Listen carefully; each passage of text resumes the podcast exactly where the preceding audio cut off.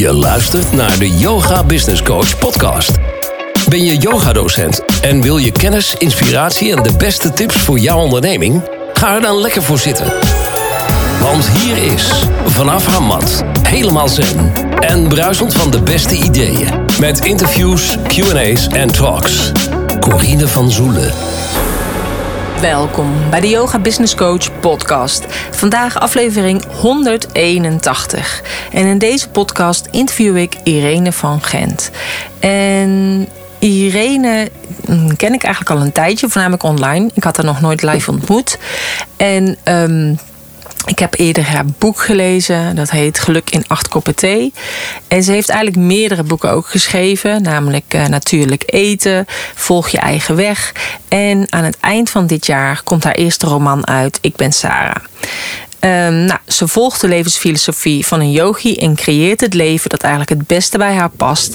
En naast haar eigen boeken schrijft ze ook als ghostwriter voor anderen en heeft ze verschillende blogs en ook podcasts.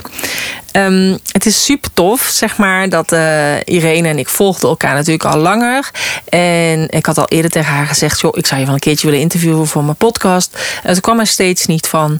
En uh, toen in één keer zag ik een bericht in haar, van haar voorbij komen. En soms heb je dat, weet je wel. Dan is dat algoritme in één keer uh, weer veranderd. En dan zie je in één keer weer mensen voorbij komen die je al heel lang niet meer hebt gezien. En um, dus ik had met haar afgesproken voor deze podcast. En omdat ik het event gaf op 23 juni zei ze... nou, ik vind het wel leuk als ik uh, een bijdrage kan leveren in je goodiebag. Dus het boek... Um, uh, het boek Volg je eigen weg uh, heeft zij cadeau gegeven aan alle mensen die bij het in de nieuwe wereld business event waren. Dus nou, super tof natuurlijk, hartstikke leuk. En uh, vandaar dat we natuurlijk ook over haar boek gaan hebben. Sowieso gaan we het hebben over haar leven. Um, ze was eigenlijk altijd voornamelijk bezig eh, om te focussen op wat wat, wat ze zou moeten doen, wat anderen dachten wat zij zou moeten doen. En, uh, en ze dacht dat ze de wereld daarmee kon veranderen. Maar na twee burn-outs en een financiële tegenslag besloot ze eigenlijk om zich meer te gaan focussen op zichzelf. En door zichzelf te veranderen, veranderde ook de wereld om haar heen. Um, nou, meer over Irene vind je op de show notes pagina www.deyogabusinesscoach.nl slash 181. Mocht het nou zijn dat jij denkt van uh, super interessant, check dan dus die show notes pagina. Wil je op de hoogte blijven van als er een nieuwe podcast um, online komt, kijk dan ook even op die show notes pagina en meld je dan aan. Dan stuur ik je dus uh, een mailtje waarbij de podcast uh, vermeld staat dat die online is. weet dat ik op 13 juli weer ga starten met een, de online training van yogadocent naar online yogadocent. En dit is de allerlaatste keer dat ik deze training ga doen. Dus dat is 13 juli. Um, mocht het zijn, als je daar nog vragen over hebt, laat het dan ook even weten. En dan uh, kun je me altijd een mailtje sturen naar info@deyogabusinesscoach.nl. Nou, ik wens je heel veel luisterplezier. Vandaag heb ik een uh, online afspraak met uh, Irene van Gent. Welkom Irene. Leuk, dankjewel Corine. Ik ben blij er hier te zijn. Ja, nou vind ik ook. Ik vind het ook superleuk dat je in mijn podcast bent. We kennen elkaar al wat langer, maar eigenlijk alleen online. Um, daar zal ik straks nog wel wat meer over vertellen. Vind ik ook even leuk. Uh, maar wil jij jezelf even kort voorstellen? Ja, dat wil ik uh, zeker. Nou, Irene van Gent dus. Um, ik uh, zit momenteel in, in Utrecht en ik hou me momenteel voornamelijk bezig met het schrijven van verhalen. En dat kunnen boeken zijn, uh, maar dat zijn ook blogs. Um, tegenwoordig doe ik ook een soort van, ik noem ze souls messages. Dat, uh, meestal doe ik dat dan s ochtends als ik net gemediteerd heb. Dan schrijf ik in mijn dagboek, nou, wat wil mijn ziel me vandaag vertellen? En dan komt er vaak een heel mooi um, ja, een soort gedicht uit of een boodschap um, die tekenend is voor mijn dag of de fase waarin ik ben. Um, maar ook, uh, die, ook heel, die ik ook graag deel met anderen. Dus ik heb, ben daar ook een, uh, een soort blog begonnen waar je op kunt abonneren. En dan krijg je er één keer in de week krijg je er één toegestuurd. Um, dat is wat ik doe. Ja, ik schrijf verhalen voor mezelf en ook voor anderen. Dus ik ben ook ghostwriter. Ik heb afgelopen jaar voor drie mensen een, uh, een boek geschreven. En als laatste help ik tegenwoordig ook mensen om hun eigen verhaal te vertellen. En soms doe ik dat door mee te schrijven, maar nu doe ik het ook vaak met door, brain, door te brainstormen. Van nou, wat is jouw verhaal? Hoe wil je het vertellen? En dan, dan gaan mensen gewoon lekker zelf schrijven. Mm -hmm. Ja. Oh, wat tof. Dus je helpt ze eigenlijk inderdaad ook met het schrijven van een boek. Ja. Ja, nou heel erg leuk. Ja. Dus, en uh, nou ja, we hadden dus onlangs uh, het, uh, het event, een nieuwe wereld business event. En jij gaf aan van goh, ik wil wel mijn boek Volg je eigen weg toevoegen in de goodiebag. Nou, dat vond ik mm -hmm. tof. Dat ik dacht, wauw, wat een mooi cadeau. En um, ja, dus die heb je ook daarin gedaan. Ik vond hem ook groot. Dat zei ik ook tegen jou. Jij, wat is die ook groot? ja. Jij zei, alles is groot bij mij.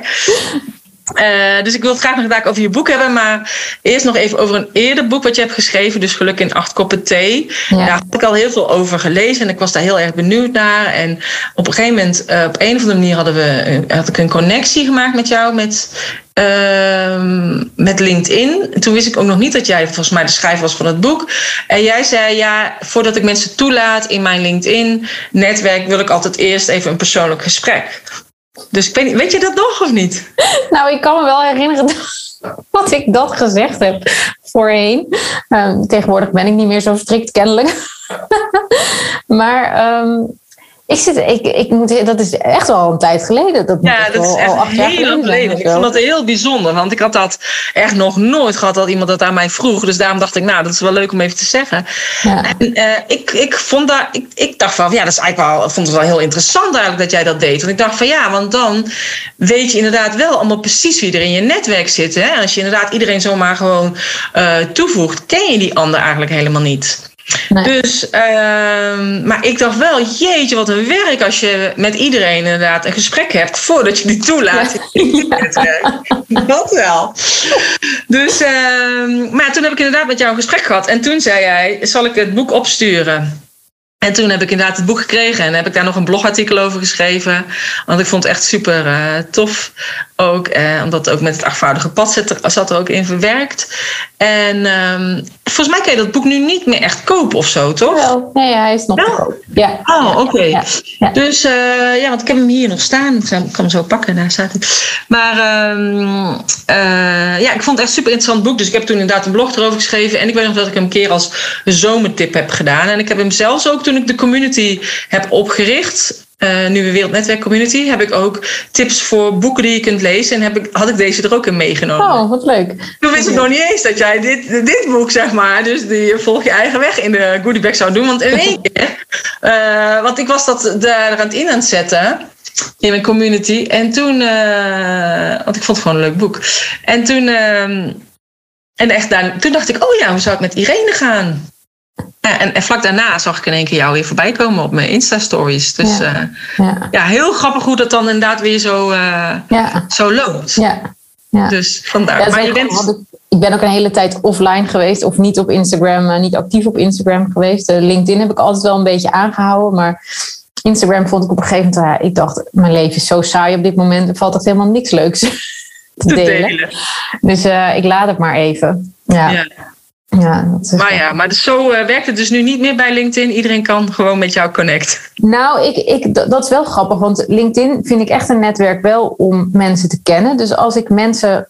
Ik vind het soms lastig als ik um, een, uh, een uitnodiging krijg van iemand die er geen persoonlijk berichtje bij zet. Ja. En als ze mij dan ook niet al gezien hebben bij een post van mij, dan denk ik echt van ja, wat, waarom wil je met mij connecten? Wat, ja. is, nou je, wat is nou je boodschap? Zo, eh, vind je dat ik een leuk hoofd heb of zo? Of wat, uh, weet je? Ik, dat vind ik heel lastig bij LinkedIn, omdat ik, uh, ik ben ooit als een van de eerste begonnen uh, op LinkedIn. Wij waren, ik had toen een bedrijf dat heette Partner in Netwerken en Communicatie. Dus wij deden alles op het gebied van netwerken. En dat was in 2006, 2007. -huh. Dus wij, wij omarmden LinkedIn als eerste. En um, ik vind het ook een heel fijn netwerk, omdat het ook, het gaat over business, maar het gaat tegenwoordig ook steeds meer over hoe jij als persoon in je bedrijf staat. En dat vind ik echt wel een leuke ontwikkeling uh, uh, om te zien. Uh, maar dat met die, met die gesprekken, ik denk dat ik dat deels deed. Want ik, kan, ik moet heel eerlijk zeggen dat ik het me echt niet meer zo goed kan herinneren dat ik die, dat ik die, dat ik die ballotage erin had gebracht. Ja. Maar um, deels om inderdaad mensen weer, om weer in contact te komen met mensen.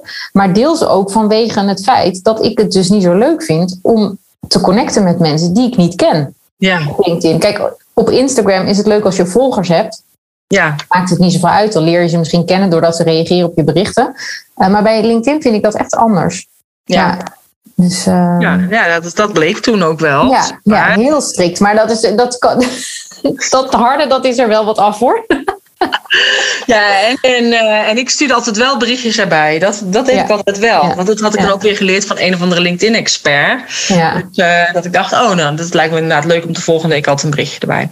Maar afijn, ik dacht dat terzijde. Vond ik wel even grappig. Leuk, ja. En, um, maar ja, in ieder geval jouw boek, dus Volg je eigen weg, die zat in... Um, ja, in die goodiebag. Dus ik vond het ook echt super leuk. En ook omdat ik jou natuurlijk weer op Insta voorbij zag komen, zei ik tegen jou: misschien is het wel leuk als ik uh, dat we nu in de podcast komen, dat we dat al eerder hadden afgesproken. Toen kwam het er niet van. Ja. Toen uh, kwam jij met, uh, met het voorstel van het boek. Dus um, kun je kort iets vertellen over het boek? Ik bedoel, alle mensen die bij het event waren, die hebben hem natuurlijk gekregen. Ja, ja. Ja, um, ja, volg je eigen weg. De ondertitel is Creëer het leven dat echt bij je past. En um, ja, dat is eigenlijk een beetje mijn, uh, mijn levensmotto geworden. Um, omdat ik uh, heel erg gemerkt heb in mijn eigen leven hoe, het, hoe slecht het werkt als ik een leven leef dat anderen voor mij bedacht hebben. want over het algemeen, als ik dat doe, dan krijg ik een burn-out. Uh, dat is een van de redenen waarom ik uh, op een gegeven moment ook tegen jou zei van ja, nu gaat het niet. Want ik was in een baan terechtgekomen toen um, ja, als communicatieadviseur bij een gemeente. Uh, en ja, dat was zo stijf dat mijn hele creatieve proces, dat lag gewoon stil. Dus ik, ik, ik kon gewoon helemaal, ik had helemaal geen ruimte voor andere dingen. En um, dus een jaar lang was ik weer bezig om het leven te leiden zoals, ja, ik, ik vind het stom om te zeggen zoals iedereen dat doet, maar wel zoals het plaatje het eigenlijk voorschrijft. Weet je, je ja. hebt een baan, je krijgt een salaris. Uh, nou, je gaat af en toe nog eens iets leuks doen van het geld wat je verdient. Um, maar eigenlijk, uh, ja, je, je baan geeft je geen voldoening. En, en dat was voor mij, toen ik daar stopte, was voor mij echt het punt dat ik zei: dit nooit meer. Het was financieel echt nodig dat ik dat deed, helaas. Um, door allerlei andere keuzes die ik ooit in mijn leven had gemaakt. Um, dus ik ben, ik, ik, ik ben ook heel dankbaar dat ik die baan heb gekregen. En dat ik dat werk heb kunnen doen. En dat ik het geld heb kunnen verdienen wat ik toen nodig had.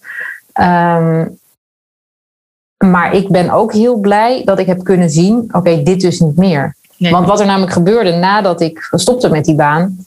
was dat ik voor de zoveelste keer oververmoeid thuis zat. Um, en gewoon een hele periode niks meer kon. Ja, en dat wil ik ook niet meer. Nee. En, en ik wil, ik heb altijd gezegd, dat was al vanaf het begin dat ik, dat ik uh, of net nadat ik afgestudeerd was, ik, ik vond studeren echt fantastisch. Hè? Ik had superleuke vrienden, ik had een superleuke studie. Ik, ik vind studeren leuk, dus ik vind het leuk om in een boek te duiken en daar dan uh, aantekeningen te maken of uh, verhalen over te schrijven, wat dan ook. Weet je, dus studeren is voor mij echt geen enkel probleem. Um, en ik had, ik had uh, mijn eerste studie afgerond. Toen ben ik een, nog een studie gaan doen. En uh, toen had ik daarnaast ook een hele leuke baan. Nou, en ik dacht, ja, dit gevoel, dit, dit, dit vrolijke gevoel van ik kan werken, ik kan studeren, ik heb leuke vrienden, dat wil ik gaan. En ik ben vrij. Dat, dat ja. gevoel van vrijheid was heel groot. Dus ik, dat wil ik voor de rest van mijn leven vasthouden. Dus toen ik ging werken, zei ik, elke dag moet voelen als vakantie. Nou, ik, ik bedoel, ik heb ook in het toerisme gewerkt. En dan zou je denken, dit voelt als vakantie. En als post ik ook heel stoer op social media. Post, post ik dan een foto van mezelf op de zeilboot. En zei, ik ben aan het weer. Ja. En uh, nou, het zag er superleuk uit. Maar ondertussen, ja, werk in toerisme. Ik weet niet of je dat wel eens gedaan hebt. Maar ja, ja dat is gewoon heel, heel pittig. En dan ben je gewoon eigenlijk, in plaats van dat je 24 uur per dag vakantie hebt, ben je 24 uur per dag aan het werk. Ja. Want dat laat, gewoon, dat laat je gewoon niet los. En, en dat Um, ja, da, da, ik heb heel veel uitgeprobeerd in mijn leven qua werk. En ik, ik kom nu steeds meer op het punt van: oké, okay, waar ligt mijn talent? Wat wil ik doen? Maar het is wel heel erg belangrijk om het op mijn manier te doen. Ja. Ja. En, ja, en, maar het is wel grappig, want je hebt het inderdaad over toerisme. Ik heb zelf drie jaar in Turkije gewerkt als hostes. Mm-hmm. En ik heb in Oostenrijk gewerkt, zeg maar, voor een uh, pension. En uh, moest ik ontbijt uh, verzorgen en en mensen gingen dan avondeten in een restaurant uh, ernaast. Mm-hmm. Uh, en in Zwitserland heb ik gewerkt in een hotel. ja, het is gewoon keihard werken. En het is, ja, als je mazzel hebt, werk je maar zes van de zeven dagen. Dus ben je één dag vrij. Eén hele dag vrij, ja. Ja, één hele dag. En uh, die ene dag die ik dan altijd vrij was, die ging ik altijd uh, bijslapen. Want ik moest natuurlijk midden in de nacht, de meest onmogelijke tijden, moest ik dan al het vliegveld ja. mensen halen. Uh, en in Oostenrijk was het zo van, ja, dan ben je één dag vrij. Dat betekent dat je dus niet een ontbijt hoeft klaar te maken. Dus dat je niet de avond daarvoor alles klaar hoeft te zetten voor de volgende dag. Dus dan heb je in ieder geval één avond dat je echt flink kunt uh, doorhalen.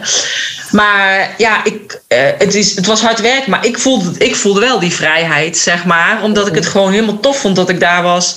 En zelf inderdaad mijn dingen en mijn dag in kon delen en weet van me wat. Maar ja, het is wel inderdaad heel vermoeiend. Ja, ja. ja, het hangt ook heel erg van het werk af. Hè? Want ik voelde ook wel heel veel vrijheid. Ik bedoel, als ik ochtends het ontbijt had klaargemaakt en om tien uur klaar was. Want wij, we werkten dus ook deels in de zomer in Griekenland als, als de flottilleleiders. Dus dan waren we altijd aan het zeilen. Uh, en in de winter werkten we dan in de wintersport. En ja, weet je, hoe heerlijk is het dat je dan om tien uur je skis kunt aantrekken. Ja, en precies. gewoon de berg op kunt. En uh, vier uur kunt gaan skiën. En dan uh, een uurtje slapen. En vervolgens ga je weer aan het werk. Weet je, dat... Ja alleen al het feit dat je elke dag die berg af kon gaan, dat vond ik echt, dat vond ik echt magisch. Dat ik echt dacht van ja, dat, dat was ook vrijheid. Ja, dat maar klopt. dat vond ik ook. Toen ik in, uh, in Zwitserland zat, zat ik uh, ook bovenop een berg. Dus wij gingen dan ook, zeg maar, ja, met het meeste personeel, als je niet de ochtenddienst had, gingen we ook uh, skiën en, en snowboarden. En dan kwam, kwam je terug, dan ging je douchen, ontbijten.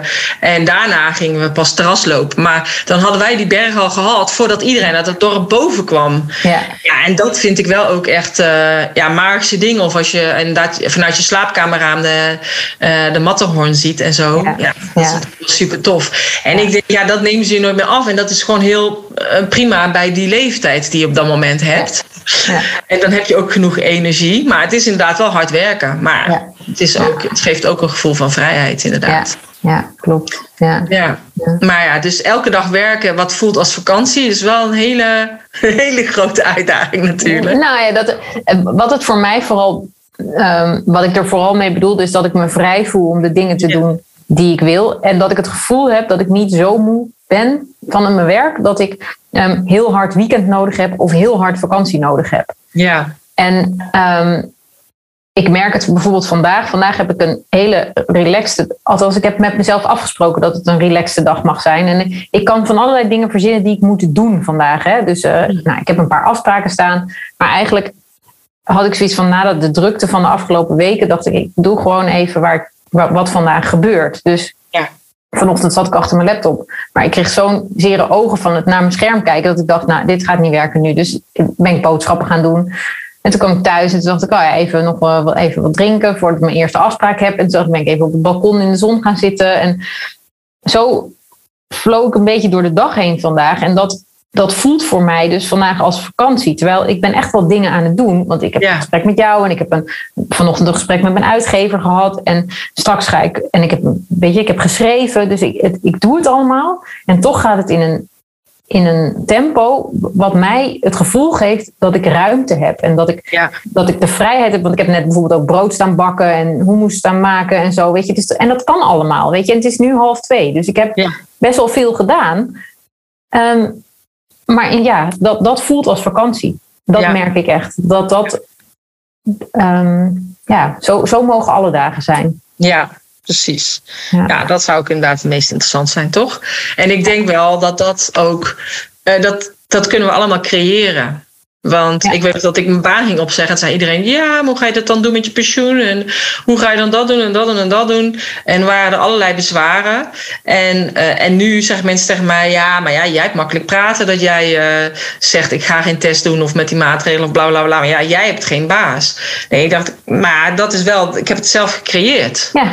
ja. Dus, en uh, ja, je had ook kunnen kiezen om je baan op te zeggen. Maar ja, jij koos ervoor om daar te blijven. Ja. Dus ondanks het gemopper over het werk over collega's en over ja. uh, de directie. Dus um, ja, en natuurlijk, je kunt niet je hele leven creëren, want soms overkomen dingen gewoon in je leven. Ja. Ja. En dan is het maar net hoe je er inderdaad mee omgaat. Ja, maar ook maar, dat is dus een keuze. En daar denk ik dat, um, uh, dat mensen het vaak moeilijk vinden om die stap te zetten uh, naar dat andere leven, omdat ze niet weten wat ze krijgen. Ja. En, en het is net als met um, uh, overigens heb ik, ben ik hier niet heel goed in, maar stel je hebt ruzie met iemand.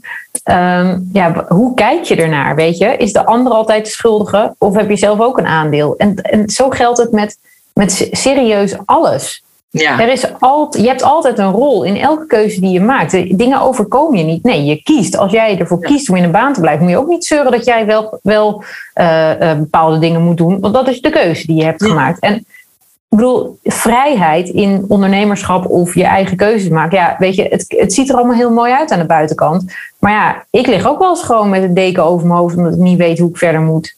Ja, ja, maar ik denk ook dat hoort wel bij het ondernemerschap. Hè? Dus soms dan, dan weet je het gewoon even niet meer. Heb ik ook wel eens gehad. Ja, en dat is prima. Maar doordat je dan eigenlijk een beetje in, in dat dieptepunt zit, dan ga je daarna eigenlijk meer reflecteren van ja, maar wat is dan hetgeen wat ik niet meer leuk vind? Dan ga ik dat gewoon niet meer doen. En wat wil ik dan wel? En dat kun je zelf eigenlijk uiteindelijk weer creëren als ondernemer. Ja. En, uh, ja, en ja, het scheelt. Ik ben manifesting generator, dus ik bedenk het en ik zet het neer. Um, maar en, en, en mensen volgen daarin. En dat is natuurlijk voor iedereen dan, eh, dan anders. Maar ik denk juist ook in het ondernemerschap is het wiel ook een keer beneden en een keer boven. Is het yin, yang, donker, uh, licht, de zon, de maan. Weet je wel, maar je hebt wel die dieptepunten nodig om daarna weer te kunnen pieken. Ja, ja maar zo, zo um, mag je ze ook zien. En dat, dat is denk ik. Nou, daar heb ik al heel veel moeite mee gehad in het verleden vooral. Want als ik dan weer in een dieptepunt terecht kwam, dan dacht ik, oh, ik kom hier nooit meer uit. Terwijl, ja, ik ben er altijd uitgekomen. Dus het is niet dat ik het niet kan. Um, en die zwaarte, zeg maar, dat, dat is, was, is wel, ja, dat heb ik wel pittig gevonden. Ja. Um, in het verleden. Nu kan ik zien, oké, als ik dit, dit zware er even laat zijn, ja, dan kan het ook weggaan. Of weg, dan kan het, um, dan kan het niets opleveren. Volgens mij trok ik op het evenement het kaartje. Um, wacht, ik pak hem even. Want hij ligt hier. Ja, iedere crisis draagt een groeikans in zich. En dat, oh, is, natuurlijk, dat is natuurlijk wat het is. Dat, ja. dat is, um, ja, hoe dieper het dal, hoe, hoe meer je kunt groeien. Ja. ja. Maar het is wel op het moment als je erin zit, dan is het niet zo dat je dat altijd kunt zien, zeg maar. Hè? Dus eh, ik weet nog, toen ik met mijn schouderblad was gevallen, ik dacht, nou, dit zal vast ergens goed voor zijn. Alleen weet ik nu nog niet waarvoor. Nee. Nou ja, uiteindelijk is het een hele om, uh, ja, omwisseling geweest voor, in mijn bedrijf om ook te starten met online. Omdat ik dacht, ja, ik wil mijn bedrijf val van de trap proef kunnen maken. ja. Dus um, ik was al langer van plan om iets online neer te gaan zetten, maar ik wist niet waar ik moest beginnen. Mm En uiteindelijk uh, ja, is, is dat toen wel echt ook de druppel geweest. Dat ik dacht, ja, nu heb ik in ieder geval de tijd uh, daarvoor. Want ja, ik kan geen yogales geven.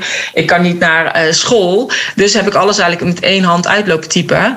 En uh, nou ja, en ook zeg maar, ik denk met alles wat er gebeurt in je leven, kun je denken van ja, waarom overkomt mij dit? Maar je kunt ook kijken van ja, wat kan ik hiervan uit leren? Ja. En um, ja, natuurlijk kies je niet overal voor. Ik bedoel, ik heb er ook niet voor gekozen om uh, nu weduwe te zijn uh, sinds um, september. Maar het is wel van hoe ga ik inderdaad hiermee om? En wat is dan de les die ik hieruit mag leren? Weet je wel, ja. ik, ik ja. was heel zelfstandig. En uiteindelijk, als je dan met z'n tweeën bent, dan doe je heel veel dingen samen beslissen. En nu ja, overleg ik natuurlijk wel heel veel dingen met de kinderen. Maar nu word ik ook weer heel erg teruggeworpen op mezelf. En moet ik uh, ook weer dingen zelf beslissen. En voor mijn bedrijf is dat echt makkelijk. Want je maakt altijd beslissingen voor je bedrijf zelf. Ja. Maar gewoon met andere dingen en ook als het mijn kinderen aangaan, ja, heb je wel heel vaak dat ik dan overleg had met hem. Ja. En dat kan nu niet meer, weet je wel. Nee. Dus, maar um, uiteindelijk ja, zal ook hier een reden voor zijn. En weet ik die nu nog niet. En misschien kom ik er nooit achter. Misschien kom ik er pas achter als ik zelf ga uh, ja. doodga of zo. Uh, maar ik denk wel, als ziel hebben we gekozen voor een bepaalde weg en dingen die we willen leren hier. Ja. En ja. Um, als ziel wist ik dit waarschijnlijk. Alleen, ja, ben je het vergeten als mens. Ja, ja. Dus en ja, is het aan mij om daar op de beste manier mee om te gaan. En dat is ook niet elke dag makkelijk natuurlijk. Nee, nee, zeker niet. En wat ik wel bijzonder vind, um, is de enorme veerkracht die je laat zien. Dus al, al weet je het voor jezelf niet, je bent voor, in ieder geval voor anderen ja. Uh, um, ja, zo krachtig naar buiten dat, dat um, ja, je hebt jezelf weer, weer alweer, nu alweer, want dat is best wel snel. En dat Ja. was voor mij sowieso al vrij snel, want je staat alweer een tijdje gewoon eh, alles te doen wat je wil, volgens mij. Ja. Dat is heel krachtig en daar kunnen mensen ook een, een, een eh, of inspiratie of kracht uithalen. Dus als dat het, als dat het al is, dan eh, ja. Nou ja, kijk, ik denk, ik kan inderdaad wel eh, hè, in mijn bed gaan liggen huilen en zo. Maar ja, Mhm. dat heeft helemaal geen zin. Nee. Dat heb ik inderdaad gedaan op mijn verjaardag toen ik 50 werd. En op onze trouwdag toen we 20 jaar getrouwd waren. En ja, daar heb ik, help ik helemaal niemand mee. nee. Eh, maar dat is wel dat, ja, juist met zo'n datum word je daarmee extra mee geconfronteerd. Maar ja, ik denk van ja, het beste is inderdaad gewoon ook om door te gaan. En niet dat ik het dan niet vergeet of er niet aan werk of geen ruimte maak voor rouw. Die zijn er ook heus wel. Ja. Maar dat hoeft niet de hele dag door. Nee, nee, klopt. Dus ik kan dat wel inderdaad een, soort afsluiten. Zo van ja, maar nu niet. Ja, ja, ja. nu heb ik er geen zin in. dus eh, doen we dat vandaag niet. Nee. Maar eh, nee, maar dus ik denk ook daarin, ja, is het altijd, heb je altijd een keus. Wat ga je, Ja. eh, hoe ga je inderdaad met een situatie om? Ja. En dit, natuurlijk, dit heeft niemand, eh, hebben we niet gekozen. Of ja, waarschijnlijk heeft onze ziel het gekozen. Alleen zijn we het gelukkig vergeten. ja. ja. Ehm, maar met trekking tot je boek, ook daarin zeg maar inderdaad volg je eigen weg. Eh, ga je het eigenlijk ook doen aan de hand van rituelen? Heb je het boek ook opgebouwd? Ja, ja. ik heb eh, elf rituelen benoemd. En ehm, ja, een boek schrijven, en zeker dat boek, Volg je eigen weg, was echt wel een enorm proces. Mhm. Ehm, ik begon namelijk met het schrijven van eh, hoe verschrikkelijk ik de wereld wel niet vond en hoe belachelijk, het, hoe belachelijk ik het wel niet vond, hoe alles ging. Ehm, en toen liet ik dat aan mijn eh, redacteur lezen en zij zei: Gooi dit maar weg.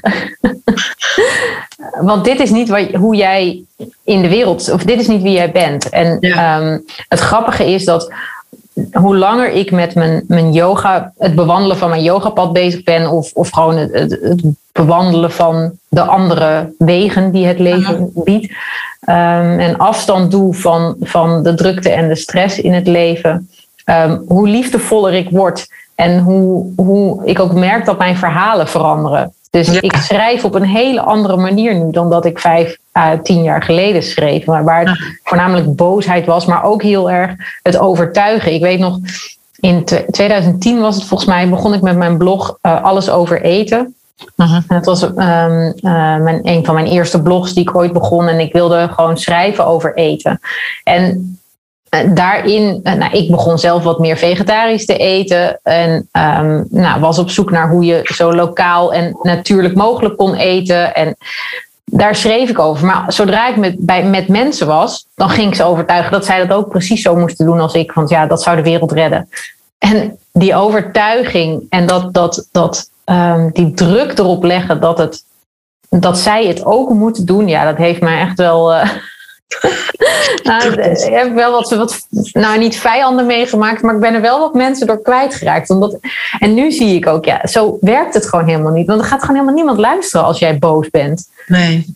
En, ehm, en dat heb ik wel echt geleerd om, om dus het verhaal op een wat liefdevollere manier eh, te schrijven. Maar goed, toen ik dus met Volg je eigen weg begon, ehm, was het dus nog meer een, een soort van eh, wraakactie naar de wereld zoals die was. En, eh, en toen ben ik het helemaal gaan omdraaien. En eh, het heeft allerlei vormen gezien. Totdat ik op een gegeven moment wakker werd en zei: Ja, dit is het. Het zijn elf rituelen. En ehm, weet je, ik kan geen blauwdruk geven over hoe jij je eigen weg moet volgen. Want Nee. ja, het is jouw eigen weg. En ik weet ook dat ik zelf bijvoorbeeld door social media en allerlei andere dingen ehm, ook nog wel eens geneigd ben geweest om de weg van een ander te volgen. Want dan zag ik een plaatje en dan dacht ik, oh ja, dat wil ik ook. En dan ging ik dat uitproberen en dan werd ik hartstikke ongelukkig, want dat was helemaal niet hoe ik het wilde.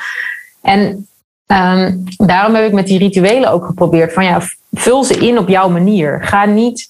ehm, Ga het niet doen zoals ik. Ik kan je alleen maar vertellen hoe ik het heb gedaan, wat voor mij essentieel is geweest. En, en kijk hoe je het voor jezelf kunt inkleuren. Want daar waar ik een probleem heb met, met geld, kun jij een probleem hebben met het opbouwen van relaties. Of Ja. weet je, dus, dus ieder heeft zijn eigen uitdaging in het leven. En je zei net zo mooi van ja, dat heeft je, je ziel gekozen, alleen ben je het vergeten. Ja, ik, ik kan dus aan niemand vertellen hoe die dingen moet doen, want ik Nee. heb jouw kennis niet. En, ehm, en daarom dus die elf rituelen die je, die je vrij kunt invullen. Dus in het boek zitten ook allerlei lege pagina's waar je gewoon lekker kunt schrijven over hoe het voor jou voelt. Met wat reflectieve vragen er, erbij. Ehm, en achter in het boek staan elf verhalen van mensen die hun eigen weg volgen. En dat varieert van yoga-docenten tot ehm, eh, mensen die uh, hun eigen bedrijf verkocht hebben en nu uh, um, hoe heet het, als een pensionado kunnen leven. nou ja, goed, dus allerlei verschillende verhalen. Omdat ik ook wilde laten zien dat het gewoon kan. En, en dat je niet bang hoeft te zijn, omdat bij elke keuze die je maakt zit wel iets spannends. of dat nou is het beginnen van een relatie, of het krijgen van een kind, of het beginnen van een baan of een eigen onderneming. Alles mm. heeft iets spannend. Want ja, je kunt dingen kwijtraken of je kunt dingen verkeerd doen. Of je, nou ja, weet je, het is altijd. Ja. Maar iedereen kan het, waar je ook vandaan ja. komt. Ja. Ja, dat is zo. Maar ik denk dat je um, uh, in principe mensen moet kennen, of inderdaad, of dat in je kring is of van gehoord moet hebben, die dat al eerder hebben gedaan, die dat pad al belopen hebben. En dan is het misschien ook makkelijker om die stap te maken. En, ja, uh, ja, deels wel. Maar deels denk ik ook dat als je ziel gewoon heel hard roept dat het anders moet, dat je niet anders kunt dan dat te volgen. Ja, nee, dat is ook zo. Dus daar hadden we natuurlijk al van tevoren over. Want op de, in dit uh, moment, zeg maar, in deze tijd waar we nu zitten, kan het niet anders dan je ziel te volgen. Want ja. anders word je of ziek of je krijgt ergens last van. En uh, dus, dus daar moet je sowieso wat mee, inderdaad. Ja. ja. Dus daarin worden we uitgedaagd. Dus dat is natuurlijk wel super mooi dat dit boek jou daarbij kan helpen. Ik, ik had, uh, wat ik zo grappig vond ook met het boek, omdat je natuurlijk inderdaad, wat jij zegt, zitten, je kunt het op je eigen manier invullen. Hè? Dus daar is ook de mogelijkheid om dingen op te schrijven voor jezelf. Ik moest ook echt heel erg denken ook aan, de, aan de, de planner die erin zit. Van de Purpose Planner van, uh, van Glenn. Omdat die dat natuurlijk... Die zegt, ja, dus ik ben de eerste life coach op papier. Dus die doet dat eigenlijk ook, maar dan in een agendavorm. Ik weet niet of je die ook had gezien in de, in de goodie ja, ja, ja, En of je Glenn kent. Want jij woont er ook in Utrecht. Ja, nee, ik ken Glenn niet. Nee, oh. nee. Ik heb wel, de, de, de planner had, heb ik wel al eens voorbij zien komen. Um, uh, ik heb hem nooit gebruikt. Dus um, uh, en, en, en voor mij, ik, ik, ik, uh, ik, heb hem, ik heb hem ingekeken en ik ben. Nou, dat heeft niet, ik ben ook een manifesting generator, maar ik, ik weet niet of het daarmee te maken heeft. Maar ik heb dus niks met plannen. Ik ben in Ayurveda ben ik een vata, dus ik vlieg overal heen en uh, ja, weer. Ja, ik ook. En uh, ja, ik plannen. Ik probeer het wel eens, maar het, het heeft geen enkele zin. Want ik, ik, ik, ik, ik ja, en dan... Ik probeer het ook altijd. En dat, maar het lukt bij mij ook niet. En met de agenda uh, ben ik wel eens mee aan de slag gegaan. En uh, Glenn heeft ook al, al, al drie keer in mijn podcast gezeten. Mm-hmm. Maar bij hem is het allemaal heel netjes. En bij hem is het ook natuurlijk gekomen vanuit de behoefte om het, het uh, zoiets van hé, hey, dit mis ik. En daarom heeft hij dat gemaakt. Ja. En um, ja, als ik dan mijn agenda laat zien, dan staat er heel veel gekras. En dan zeg ik altijd van oeh, volgens mij vind je het heel erg dat mensen zo met jouw planner omgaan. maar dat vindt hij niet. Dus ik dacht, oké, okay, gelukkig. Ja. Maar uh, in ieder geval, ik vond het wel grappig omdat er wel een soort van uh, gelijkenis in zit. En hij woont ook in Utrecht. Dus ik dacht, nou, misschien ken je hem wel. Uh. Ja, nee, nee.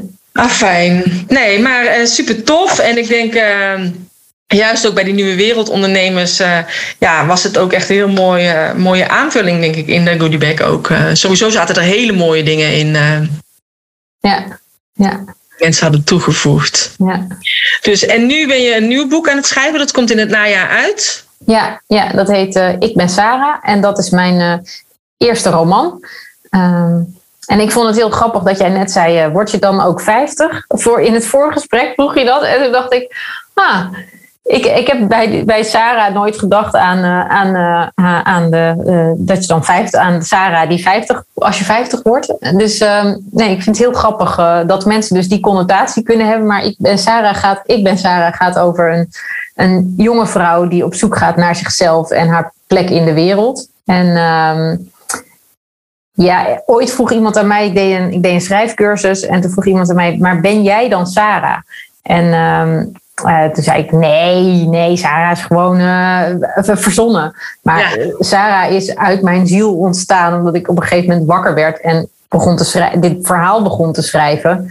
Ja. En um, uh, toen ging ik daar zo over die vraag ging een beetje nadenken. Toen dacht ik, ja, het verhaal gaat wel niet over mij, maar er zit zoveel van mij in. Dus ja, ik ben Sarah, Sarah ben ik. Ja, er zit gewoon enorm veel... Um, overeenkomsten in, in hoe ik over de wereld denk en dingen die ik heb gedaan. Maar ik heb ze gewoon, ze zijn in een andere vorm op papier gezet, omdat ik niet mijn, nou, misschien ga ik dat ooit nog eens doen, maar op dat moment was dit verhaal wat naar boven kwam. Uh, dus, uh, ja, en het is heel leuk om een roman te schrijven. Ik, vind, ik merk dat ik daar echt. Uh, ik vind het heel leuk om non-fictie te schrijven en om inspirerende stukjes te schrijven. Maar ik vind ook een roman schrijven, dat brengt je gewoon echt naar een andere wereld.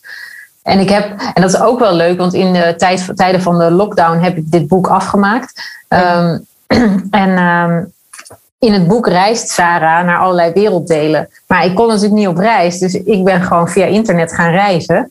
En ben in eh, Mexico, Guatemala, San Francisco geweest. En ik heb gewoon alles, alles ervaren. Terwijl ik er nooit geweest ben. Dat echt heel leuk. Oh ja. Dus ja, jij dacht, via Google kom je ook al een heel eind. Ja, ja ik kan heel goed reizen met Google. Ja, okay, want als je dus mensen begeleidt met het schrijven van een boek, maakt het dus ook niet uit of het dan inderdaad een roman is of of uh, non-fictie? Nou, dat maakt op zich niet uit, want ik heb nu met allebei ervaring. Um, ik vind het wel leuk als het een persoonlijk verhaal is. Ik, ik, ja. Um, ja, ik, of, een, of een inspirerend verhaal. Weet je, ik hoef niet per se een verhaal te schrijven over iets technisch of een nieuwe marketing tool of wat dan ook. Weet je, dat, dat zou ik wel kunnen, maar daar gaat mijn hart niet echt sneller van kloppen. Ja. En, en juist het samenwerken met mensen die een goed verhaal te vertellen hebben. En ook, want dat merk ik ook, weet je, als je samen een boek gaat schrijven, de ander gaat altijd door een proces heen. Kijk, ik ben alleen maar het kanaal dat het verhaal opschrijft, maar het proces voor de ander is vaak heel intens.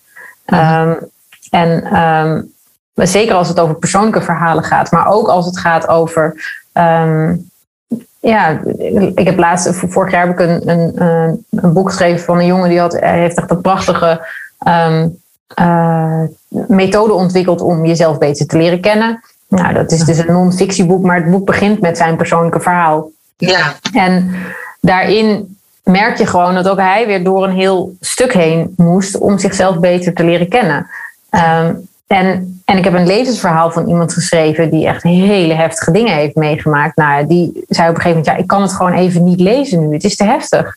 Ja. Dus dat heeft, dat, zo'n, zo'n boek ligt dan een hele tijd stil, omdat iemand ja, door een proces heen moet om het. Ja. Uh, ja om weer terug te lezen naar wat heb ik eigenlijk allemaal meegemaakt. En, en, en ja, wat heeft dat voor impact op mijn leven gehad. Ja.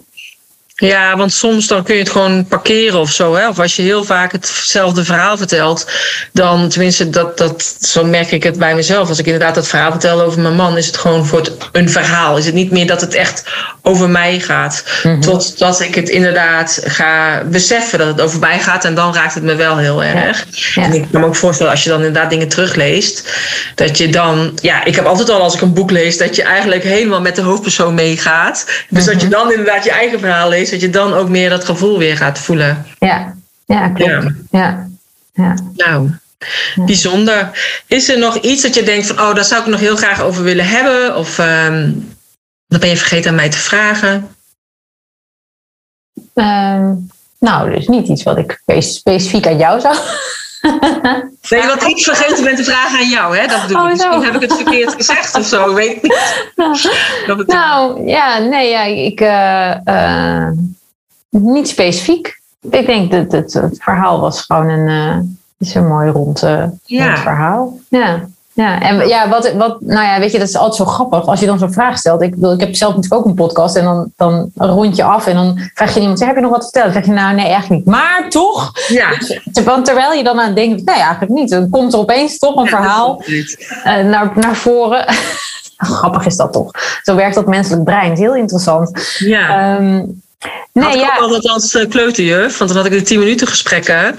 En dan, die deden we inderdaad al afronden bij de zevende minuut. Ja. Uh, oh, ja. Uh, ja. Want op dat moment, want dan zeggen ze nee, nee, we hebben geen vragen meer. Maar voordat ze bij de deur zijn, oh ja, wacht. En dan kwam er nog een heel verhaal. Dus dan oh, ja. Ja. weet je dan toch nog binnen die 10 minuten te blijven. Maar ik liep altijd uit. Maar dat, ja, maar, maar dat heeft toch, ik bedoel, hoe kun je toch ook een 10 minuten gesprek met, een, met twee ouders over één kind of twee kinderen, dat gaat toch ook gewoon. Is ook niet mogelijk. Is ook niet mogelijk. Maar dat is ook weer zo'n systeemding ja. waar we in vastzitten. Dat, het dan, dat dat dan moet. Ik bedoel, waarom moet dat in een 10 minuten gesprek? Waarom Ja, Ja, nee, eh, sowieso eh, denk ik van, juist met kleuters, dan komen die ouders het kind bijna elke dag brengen. Dus dan heb je altijd, als er iets is, ze- zeg je het dan wel. ja, Als je denkt, het is nu echt nodig, dan spreek je al eerder wel. Ja. Maar ehm, uiteindelijk hebben wij er ook 15 minuten van gemaakt. Dat is natuurlijk nog steeds veel te kort. Ik heb toen ook gezegd, want ik had ook mensen die hadden bijvoorbeeld een ouder in Suriname wonen of zo. Weet je, dan woont de vader daar.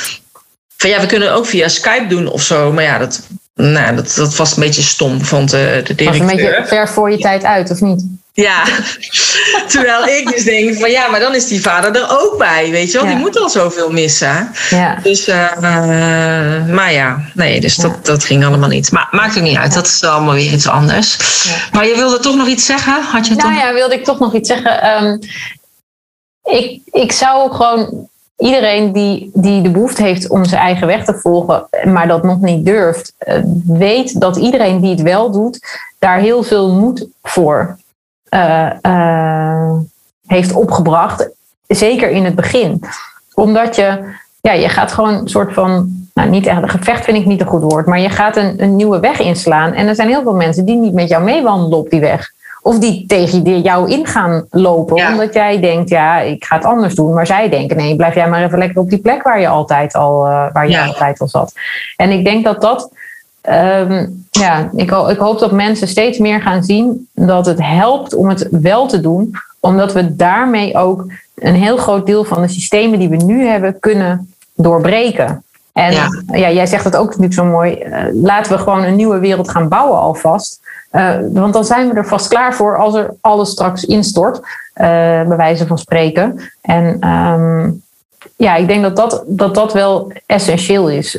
Doe wat goed voelt voor jou, zeg ik tegenwoordig altijd. En, en alleen daarmee kun je jezelf en de wereld om je heen redden als, je dat, Ja. als dat nodig is om iets te redden. Maar ja, dat helpt. Ja, precies. Nee, maar dat vind ik ook. En, en inderdaad, dat mensen je terug proberen te halen, dat is eigenlijk heel logisch. Hè? Ik weet niet, ik heb ook een keertje bij een lezing van Annemarie van Gaal, die zei ook dat het zo werkte. Hè? Als ondernemer werkt het vooral zo, maar ik denk, de onder, als je ondernemer bent, ben je eigenlijk al een soort van uit het systeem gestapt van, van eh, werken, omdat je natuurlijk anders denkt.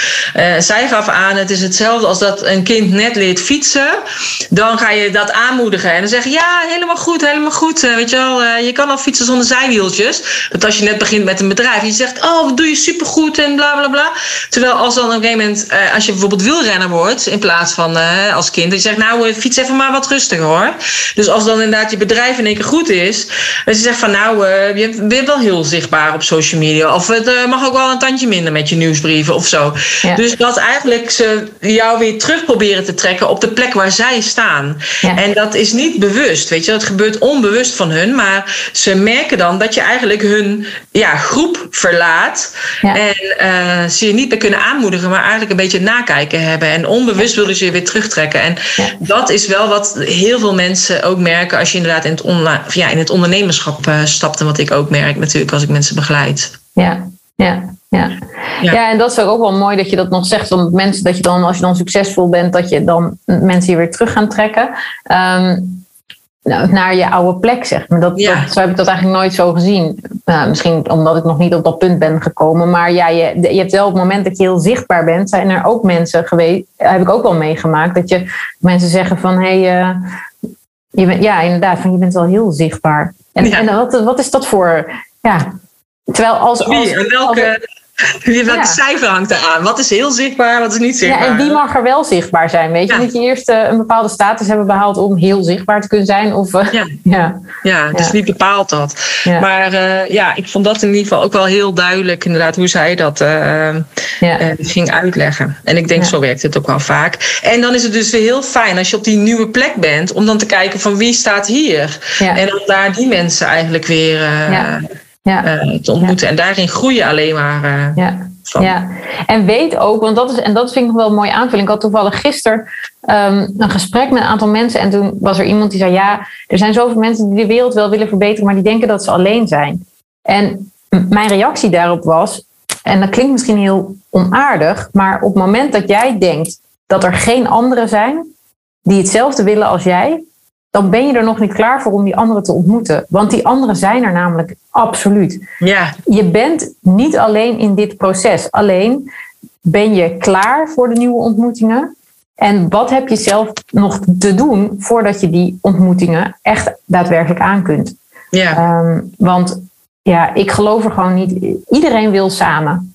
Er is gewoon niet iets uh, in ons mensen dat zegt, ja, we moeten alleen zijn. Ik, bedoel, ik vind het heerlijk om alleen te zijn. Hè? Weet je, ik ben heel graag alleen. Dat heb ik als Ja. schrijver ook nodig.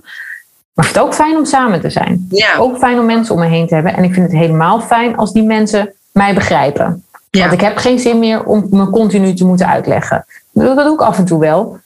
En dan hoop ik dat ik het zo uitleg dat ik er mensen mee inspireer. Dat ze denken, hé, hey, oh interessant, dat zou ik ook eens op die manier naar moeten kijken. Ja. Dat is allemaal oké. Maar er zijn gewoon mensen voor iedereen. En niet iedereen is voor jou en jij bent niet voor iedereen. Dat is Nee. denk ik ook heel essentieel om te beseffen. Ja, en dat is ook heel vaak als ik inderdaad mensen begeleid, zeggen ze, ja, maar ik wil iedereen helpen. Dan zeg ik, maar dan, als je iedereen wil helpen, voelt niemand zich aangesproken. Nee. Weet je wel? Dus je moet inderdaad kijken, waar wil ik me op richten? En dan, dan komt dat, ook dat vanzelf eh, goed. Maar ja, ik had vroeger op school had ik dat bordje van de verbeter de wereld, begin bij jezelf. Mhm. En, en ik denk, dat is het uiteindelijk ook. Hè? Want uiteindelijk, als je in jezelf, ehm, ja, als je gewoon niet lekker in je vel zit, dan ontmoet je ook gewoon geen leuke mensen. Of, Nee. of je krijgt er alleen maar ruzie mee of zo. Ja. En als je beter in je vel zit en je staat ook open voor anderen en contact, dan, eh, dan ontmoet je ook de leukste mensen. En dat heb je juist vaak als je bijvoorbeeld op vakantie gaat, op reis. Ja, Dan ontmoet je juist heel veel mensen, maar dan sta je er ook echt voor open. ja, En ehm, ja, en ik denk dat eh, als jij het toch hebt van elke dag moet een soort van vakantie zijn. Ja, dat is mooi als je dat kunt creëren voor jezelf. Dat je daardoor eigenlijk hele mooie, interessante mensen kunt ontmoeten. ja, ja, Hoeft zeker. ook niet elke dag, maar ehm, Nee, maar dat is met alles. Volgens mij hoeft, er hoeft helemaal niks elke dag. nee, precies. Hey, ik heb altijd nog wel een standaard vraag in mijn podcast. Dat is de enige die ik heb. En dat is als jij een yogamat zou zijn, hoe zou jij er dan uitzien? Nou ja, zeg, wat is dat nou weer voor gekke vraag? Ja, een gekke vraag, hè? Maar dat vind ik dan wel grappig altijd. Als ik een yogamat zou zijn. Ja. Jemig. Echt geen idee. Oh, Ik weet het ook niet. Dit is wel de langste stilte die ik ooit gehad Ja? heb. Maar hoe ziet, jou, hoe ziet jouw yoga? Hoe, hoe zou jij eruit zien als yogamat? dan? Want ik bedoel, jij moet erover nagedacht hebben hoe, hoe je eruit... eh, Ja, nou ja, mijn yogamat verandert steeds eigenlijk. Moet ik zeggen. Dus eh eerst was het gewoon een hele drukke mat, zeg maar. En nu is die eigenlijk al veel rustiger. En eh, kon ik me druk maken om heel veel dingen. En de- deze yogamat die maakt zich niet zo heel druk meer. Die denkt, het zal allemaal wel. Het komt allemaal goed. En ehm, dat. Eh, en het is wel een hele zachte mat. ja. Beetje wollige mat. Mm, Ja, ja. nu. Ja. Ik kan alleen maar denken aan de mat die ik heb. En wat ik zo grappig vind aan die yogamat die ik heb, die heb ik, eh, ik denk al bijna tien jaar geleden gekregen. Tijdens een evenement, een yoga-evenement, kreeg je eh, gratis eh, yogamat van Manduka bij. Paarse, bij Yoga Magazine Festival. ja, het was bij yoga. Ja, maar ik- mijn mat was, is knalblauw. Hmm. En ehm, dat was de reisversie, want die was niet zo zwaar. Dus deze was wat lichter. En dus die heb ik toen meegenomen. En die mat die gaat dus al zo lang mee en die is zo stevig. Dat er, die is, de, nou ja, er gebeurt gewoon helemaal niks mee. Terwijl ik ooit een keer, toen ik net begon als yogadocent, eh, matjes gekocht. Weet je, even hele goedkope matjes. Ja. Ik zag er daar laatst een van eh, liggen bij mijn ouders thuis. Toen dacht ik, jemig, die zijn snel vergaan. Ja, die zijn niet goed. Nee, maar ik heb die ook nog. Ik had een paarse dus. Want ik gaf toen les bovenop de zolder. Want dat was de allereerste keer dat zij een, magazine, of een, een festival gaven. En dat was nog in een, in een eh, grachtenpand. Ja, in Amsterdam was dat. ja. Ja, in Amsterdam. En daarna zijn ze daar in de buurt bij dat pontje eh, gegaan met hun festivals. Maar dat was het eerste festival van het Yoga Magazine. En toen heb ik ook nog les gegeven op, eh, op de, Ah, ja. in een zolderverdiepingje. ja. Over engelen yoga deed ik toen. Dus dat was wel Oh, mooi. grappig. Ja, ja, Ja, dus ik heb hem ook nog inderdaad. ja. ja. Goede matten van Manduka. Dus eh, stevig en robuust. Nee, ehm, nou ja, maar ik heb wel een beetje hetzelfde als jij. Dat het, dat, wat ik ook in het begin al zei. Het- Ik ben veel zachter en liefdevoller geworden. Ja. En ik denk dat dat ook wel is hoe mijn, hoe mijn yogamat er dan tegenwoordig uit. Een licht roze, denk ik. Met, Ja. eh, met hele zachte kleine bloemetjes. Misschien wel eh, als een soort van. eh, ja. Ja, nou ja, wel mooi. Ja, ik denk ook zachter. En dan met name zachter voor mezelf. Ja, ja. Ja, dus zachte mat voor mezelf. Nou, heel mooi. Daar wilde ik in ieder geval mee afsluiten. Ja, Dankjewel super. voor je tijd. heel graag gedaan. Oké, doei doei. Doei. Ja, dat was Irene. Nou, ik hoop dat jij net zo van dit gesprek genoten hebt als ik. Ik vond het in ieder geval superleuk. En eh, mocht het zijn, als je meer wil weten over Irene, check dan de show notes pagina www.deyogabusinesscoach.nl slash 181. Eh, kijk daar naar haar websites, maar check ook haar social media kanalen, zodat je haar eventueel kunt gaan volgen. Wil je op de hoogte blijven van de nieuwe podcast? Check dan ook even die pagina en meld je daarbij aan. Verder mocht het zijn, als jij graag een online programma wil maken en daar hoef je dus echt geen yogadocent voor te zijn, dan eh, weet dan dat ik op 13 juli ga starten voor de laatste ronde met de online training van yogadocent naar online yogadocent. En mocht het zijn als je daar nog vragen over hebt, kun je me altijd even een mailtje sturen naar info@deyogabusinesscoach.nl. Nou, ik wens je een hele fijne dag en dankjewel voor het luisteren. Namaste.